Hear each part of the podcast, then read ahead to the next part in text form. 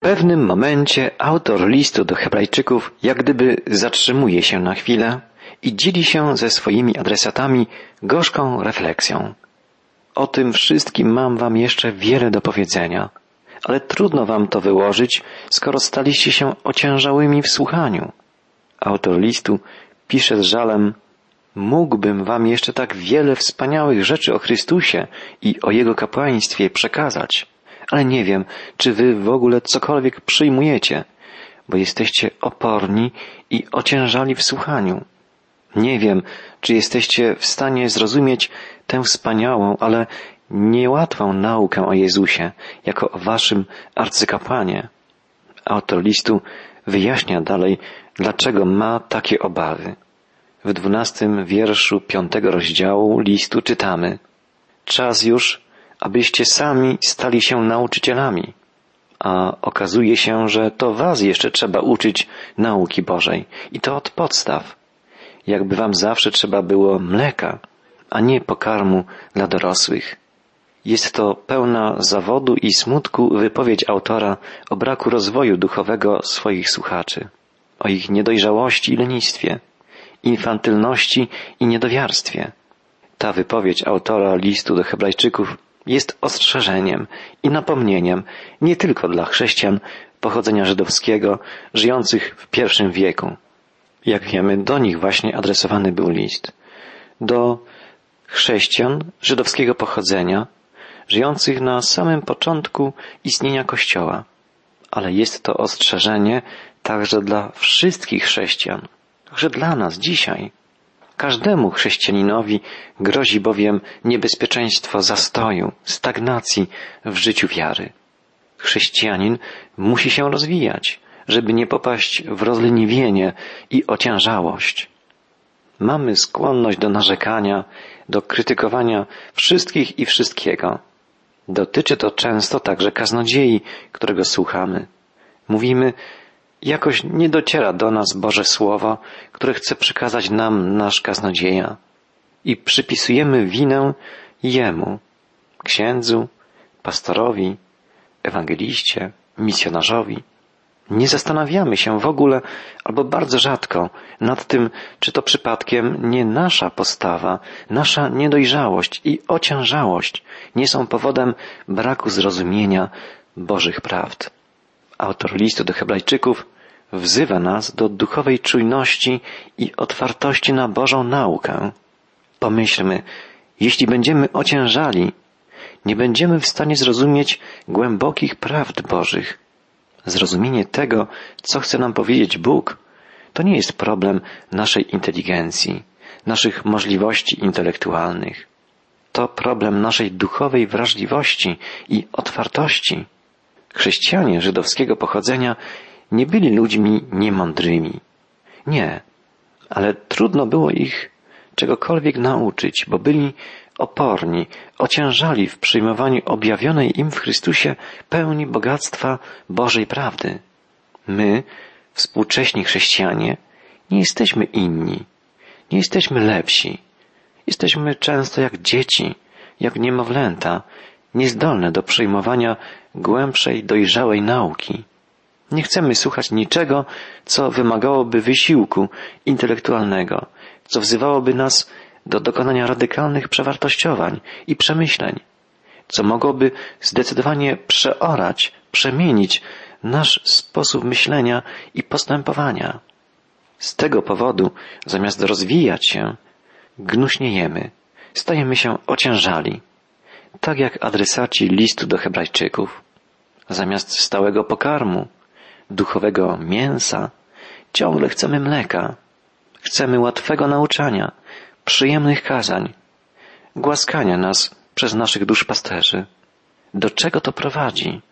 Do tego, że wielu kaznodziei dostosowuje się do tych oczekiwań i zwiastuje łatwą Ewangelię, miłą uchu naukę. W ten sposób Słowo Boże zostaje zniekształcone, spłycone, zaduszane. Zamiast rozwoju, wzrostu duchowego słuchaczy następuje stagnacja, niedorozwój, zdziecinienie. Autor listu pisze, że ludzie, którzy powinni być już nauczycielami, Potrzebują na nowo kogoś, kto by ich nauczał podstaw, pierwszych zasad nauki Bożej. Wyrażenie pierwsze zasady to w oryginale greckim słowo stoicheion, zbliżone znaczeniem do naszego dzisiejszego słowa atom. Oznacza elementarne podstawy, swojego rodzaju ABC chrześcijańskiej nauki. Ci ludzie powinni być dojrzałymi chrześcijanami, nauczycielami innych, a są ciągle niemowlętami. Oczekują, że ktoś stale będzie ich karmił z butelki. Czy nie jest to coś, co jest nam dziwnie znajome? Czy nie dostrzegamy i dzisiaj wielu chrześcijan, którzy powinni być już dawno dojrzałymi nauczycielami innych, a są ciągle jak niemowlęta? Nie wykazują żadnej aktywności. Są bierni, leniwi. Zadawalają się słuchaniem podstawowych, łatwych nauk. Unikają trudniejszych tematów, które zmusiłyby ich do wysiłku, czy do podjęcia jakiejkolwiek odpowiedzialności. Do nawróconych Żydów autor listu do Hebrajczyków pisze Staliście się takimi, że potrzeba wam mleka, a nie pokarmu stałego. Nie osiągnęliście w ogóle dojrzałości. Nie rozwinęliście wcale swoich duchowych zmysłów. Nie jesteście więc w stanie jeść duchowego mięsa. Prawdą jest, że niemowlę nie może jeść mięsa, ale prawdą jest też, że człowiek dorosły może spożywać mleko i może tym się zadawalać. Niestety, wielu chrześcijan w sensie duchowym żyje w taki właśnie sposób. Zadowalają się mlekiem, nie szukają pełnowartościowego, stałego pokarmu.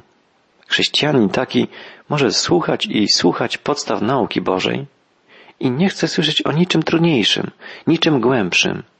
Nie chce przyjąć na siebie żadnej odpowiedzialności. Taki chrześcijanin, zamiast prowadzić do Chrystusa następnych i być dla nich nauczycielem, opiekunem, sam stale potrzebuje opieki. Sam stwarza ciągle problemy i oczekuje, że ktoś będzie się o niego troszczył i zapewniał mu łatwy pokarm. Posłuchajmy, co dalej pisze autor listu do Hebrajczyków. Przeczytam końcowe wiersze piątego rozdziału. Jeśli wam wciąż trzeba mleka, to jesteście jak niemowlęta i nie przyjmujecie prawdziwej nauki. Pokarm dla dorosłych przeznaczony jest dla dorosłych, bo mają wykształcony i wyostrzony zmysł poznawczy i potrafią odróżniać dobro od zła. Nikt nie może być dojrzałym bez odpowiedniego karmienia się Słowem Bożym. Jeśli, drogi słuchaczu, nie studiujesz regularnie Pisma Świętego, jeśli nie pozwalasz Duchowi Bożemu na to, by dokonywał w tobie przemian, będziesz ciągle duchowym niemowlęciem, chwiejnym, słabym, niesamodzielnym. Nie będziesz mieć nic do powiedzenia oprócz niezbyt konstruktywnej paplaniny, przypominającej gaworzenie małego dziecka. Przypomnijmy sobie, co apostoł narodów napisał do chrześcijan w Koryncie. Ja, bracia, nie mogłem mówić do was jako do duchowych, lecz jako do cielesnych, jak do niemowląt w Chrystusie. Poiłem was mlekiem, nie stałym pokarmem, bo jeszcze go przyjąć nie mogliście, a i teraz jeszcze nie możecie. Jeszcze bowiem cieleśni jesteście, bo skoro między wami jest zazdrość i kłótnia, to czyż cieleśni nie jesteście i czy na sposób ludzki nie postępujecie? A Piotr tak pisze w swym pierwszym liście apostolskim.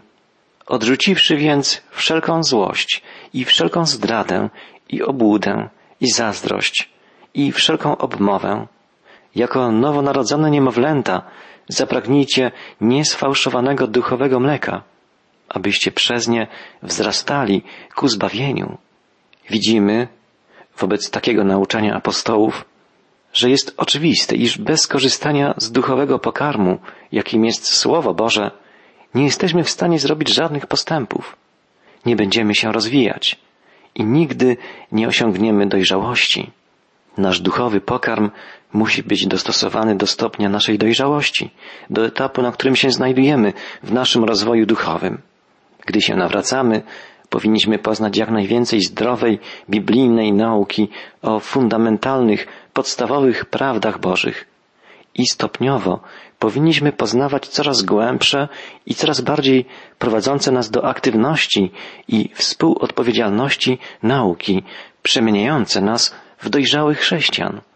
Oznaką dojrzałości jest, jak bez wątpienia wynika z wypowiedzi apostoła Pawła i Piotra, życie zgodne z nauką Biblii, życie przemienione, przekształcone przez Boże Słowo, życie, w którym zamiast kłótliwości, obmowy, złości, obudy, wielu innych owoców ciała, czyli naszej starej natury ludzkiej, będą przejawiać się owoce Ducha Świętego. Będziemy dojrzałymi chrześcijaninami, ambasadorami Chrystusa, zdolnymi nauczać innych, kiedy nasze życie pod działaniem Słowa Bożego i Ducha Świętego cechować będzie miłość, pokój, dobroć, łagodność. Módlmy się o siebie nawzajem, drodzy przyjaciele, żebyśmy byli dojrzałymi, pełnowartościowymi chrześcijaninami, Bożymi ludźmi, współpracownikami i współkapłanami Jezusa Chrystusa. A teraz przejdźmy do lektury szóstego rozdziału listu do Hebrajczyków. Autor tego listu przygotował nas i wezwał do otwarcia się na trudniejszą, głębszą naukę. I teraz rozpoczyna słowami: Przejdźmy więc teraz na wyższy poziom chrześcijańskiego nauczania, nie rozwodząc się nad tym, co podstawowe i zasadnicze, jak odwrócenie się od grzechów, wiara w Boga. Autor listu pisze, skoro poznaliście już podstawy, fundamentalne prawdy wiary, musicie iść dalej.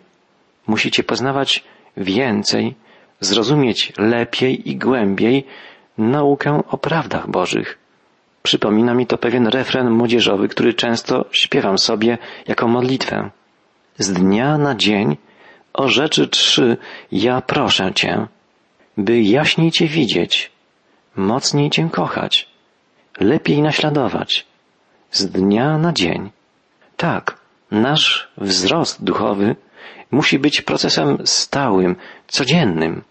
Musimy się uczyć cierpliwie, wytrwale, jak stawać się dojrzałym chrześcijaninem, czyli człowiekiem Chrystusa.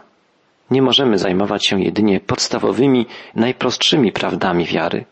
To przypominałoby ciągle zajmowanie się przez budowniczych fundamentem wznoszonej przez nich budowli. Owszem, fundament jest bardzo ważny, najważniejszy, ale na nim musi stanąć budowla, dom. W przypadku chrześcijan chodzi o dom, w którym mógłby zamieszkiwać Bóg, Duch Boży, Duch Chrystusowy. Tym domem mamy być my sami, nasze przemienione życie. Zostajemy zbawieni z Bożej łaski. Otrzymujemy przebaczenie i zbawienie ze względu na dzieło odkupienia dokonane przez Jezusa Chrystusa. Ale zwróćmy uwagę, w jaki sposób pisze o tym apostoł Paweł do chrześcijan, ludzi wierzących, zbawionych w Efezie. Łaską zbawieni jesteście przez wiarę. I to nie z was. Boży to dar, nie z uczynków, aby kto się nie chlubił. Jego bowiem dziełem jesteśmy, stworzeni w Chrystusie Jezusie do dobrych uczynków, do których przeznaczył nas Bóg, abyśmy w nich chodzili. Tak, jesteśmy zbawieni poprzez wiarę w Chrystusa z Bożej łaski. Jest to wspaniały Boży dar. Tak samo Bożym darem są wszystkie nowe możliwości, nowe zdolności, talenty, które Bóg nam daje, gdy obdarza nas nową naturą. Jesteśmy przez Niego jak gdyby na nowo stworzeni, na nowo ukształtowani. Tak jak nie potrafimy sami się zbawić, wyrwać się z więzów grzechu, tak sami z siebie nie jesteśmy w stanie czynić dobra. Uzdalnia nas do tego i powołuje nasz Pan. Jeśli na fundamencie, którym jest nasz Zbawiciel, Jezus Chrystus, nie powstaje budowla naszego przemienionego, dojrzałego życia, to nie wypełniamy Bożego planu, nie wypełniamy Bożego zamiaru, Bożej woli, objawionej nam w Piśmie Świętym. Autor listu do Hebrajczyków pisze o odwróceniu się od martwych uczynków i o wierze w Boga. chce uświadomić chrześcijanom żydowskiego pochodzenia, że trzymanie się reguł prawa mojżeszowego, zakładającego składanie ofiar za popełniane ciągle grzechy, nie ma już teraz sensu od chwili, kiedy Chrystus złożył w ofierze siebie jako doskonałą jedynie wystarczającą ofiarę przebłagalną za wszelki grzech. Wiara jest czymś, co przynosi zbawienie. Wiary w Boga wymagał już Stary Testament. Autor listu do Hebrajczyków wydaje się wzywać, jeśli wierzycie w Boga, jest to to, o co Jemu chodzi, ale jest to pierwszy krok, podstawowy krok, za którym powinny iść następne. Jeśli uwierzyliśmy w Boga, a raczej gdy uwierzyliśmy Bogu, zaufaliśmy Mu, przyjmując Jego zbawienie dane nam w Jezusie Chrystusie, powinniśmy iść dalej. Powinniśmy żyć życiem, do jakiego nas Pan powołuje, jakiego od nas oczekuje. Tymczasem często koncentrujemy się na rzeczach zupełnie drugorzędnych. Spieramy się o formy obrzędów, o formy odprawianych nabożeństw, czy rodzaje różnych czynności. Spieramy się o to, jakie pieśni powinniśmy śpiewać, czy nawet jak powinniśmy się ubierać i jak zachowywać się w kościele. Dla Boga są to rzeczy o zupełnie drugorzędnym znaczeniu. Nie są to rzeczy nieważne, ale drugorzędne. Autor listu pisze do judeochrześcijan, podaje więc przykłady obrzędów kultywowanych przez nich. Wymienia na przykład nauki o obmywaniach, wspomina o wkładaniu rąk, Przeczytajmy jeszcze jego słowa zapisane w trzech pierwszych wierszach szóstego rozdziału. Przejdźmy na wyższy poziom chrześcijańskiego nauczania, nie rozwodząc się nad tym, co podstawowe i zasadnicze, jak odwrócenie się od grzechów, wiara w Boga, obmywania, nakładanie rąk, zmartwychwstanie i sąd ostateczny. Idźmy dalej z pomocą Boga. Autor wymienia nauki o obmywaniach, i wspomina o wkładaniu rąk. Jeśli chodzi o obmywanie, nie chodzi tu o chrzest, lecz o rytualne obmywanie według zasad prawa mojżeszowego. We wspólnotach judeochrześcijan istniała tendencja do kultywowania rytualnych obmywań, które były, jak określa to sama Biblia, jedynie cieniem rzeczywistości, którą jest Chrystus. Zapowiadały oczyszczenie, którego dokonał Jezus. Wkładanie rąk w czasach Starego Testamentu było symbolicznym przekazaniem swoich grzechów na zwierzę ofiarne. Grzesznik kładł ręce na głowę zwierzęcia, które miało być złożone w ofierze za jego grzech. To również był jedynie symbol, znak zapowiadający nadejście Chrystusa, Zbawiciela, który wziął na siebie winy wszystkich grzeszników.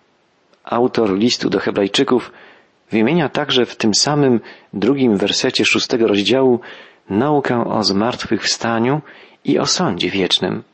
Stary Testament nauczał już o zmartwychwstaniu, ale teraz zmartwychwstanie dokonało się i trzeba żyć na co dzień ze zmartwychwstałym Panem, a nie teoretyzować i dyskutować, rozprawiać teoretycznie o zmartwychwstaniu. Również o ostatecznym sądzie mówi Stary Testament. Jednak teraz jest oczywiste, iż Boża sprawiedliwość jest pojmowalna, zrozumiała jedynie poprzez znajomość Jezusa Chrystusa i Jego dzieła. W Nim jesteśmy usprawiedliwieni. W poprzednich wersetach czytaliśmy, że nie jesteśmy w stanie pojąć nauki o sprawiedliwości, jeśli jesteśmy duchowymi niemowlętami. Autor listu do Hebrajczyków wzywa więc wszystkich chrześcijan, a szczególnie tych, do których pisze, do zupełnego otwarcia się na działanie Ducha Świętego, Ducha Chrystusowego. Wzywa do uchwycenia się słów Jezusa i Jego samego, jako zmartwychwstałego Pana i arcykapłana jedynego żywego Boga. To właśnie uczynimy, jeśli Bóg pozwoli, pisze autor listu, jak czytamy w trzecim wierszu szóstego rozdziału. I są to słowa, które i nas powinny pobudzić do myślenia i do działania. W nowym tłumaczeniu, we współczesnym przekładzie, słowa te brzmią troszkę inaczej. Idźmy więc dalej z pomocą Boga. Tak, to właśnie uczynimy, jeśli Bóg pozwoli. Wzywa nas do myślenia, do działania, bo bycie chrześcijaninem to nie sprawowanie różnych obrzędów, nie kultywowanie rytuałów, ale słuchanie Zbawiciela i Pana, Jezusa Chrystusa i życie zgodne z Jego Słowem, Jego prawdą, życie z Nim na co dzień.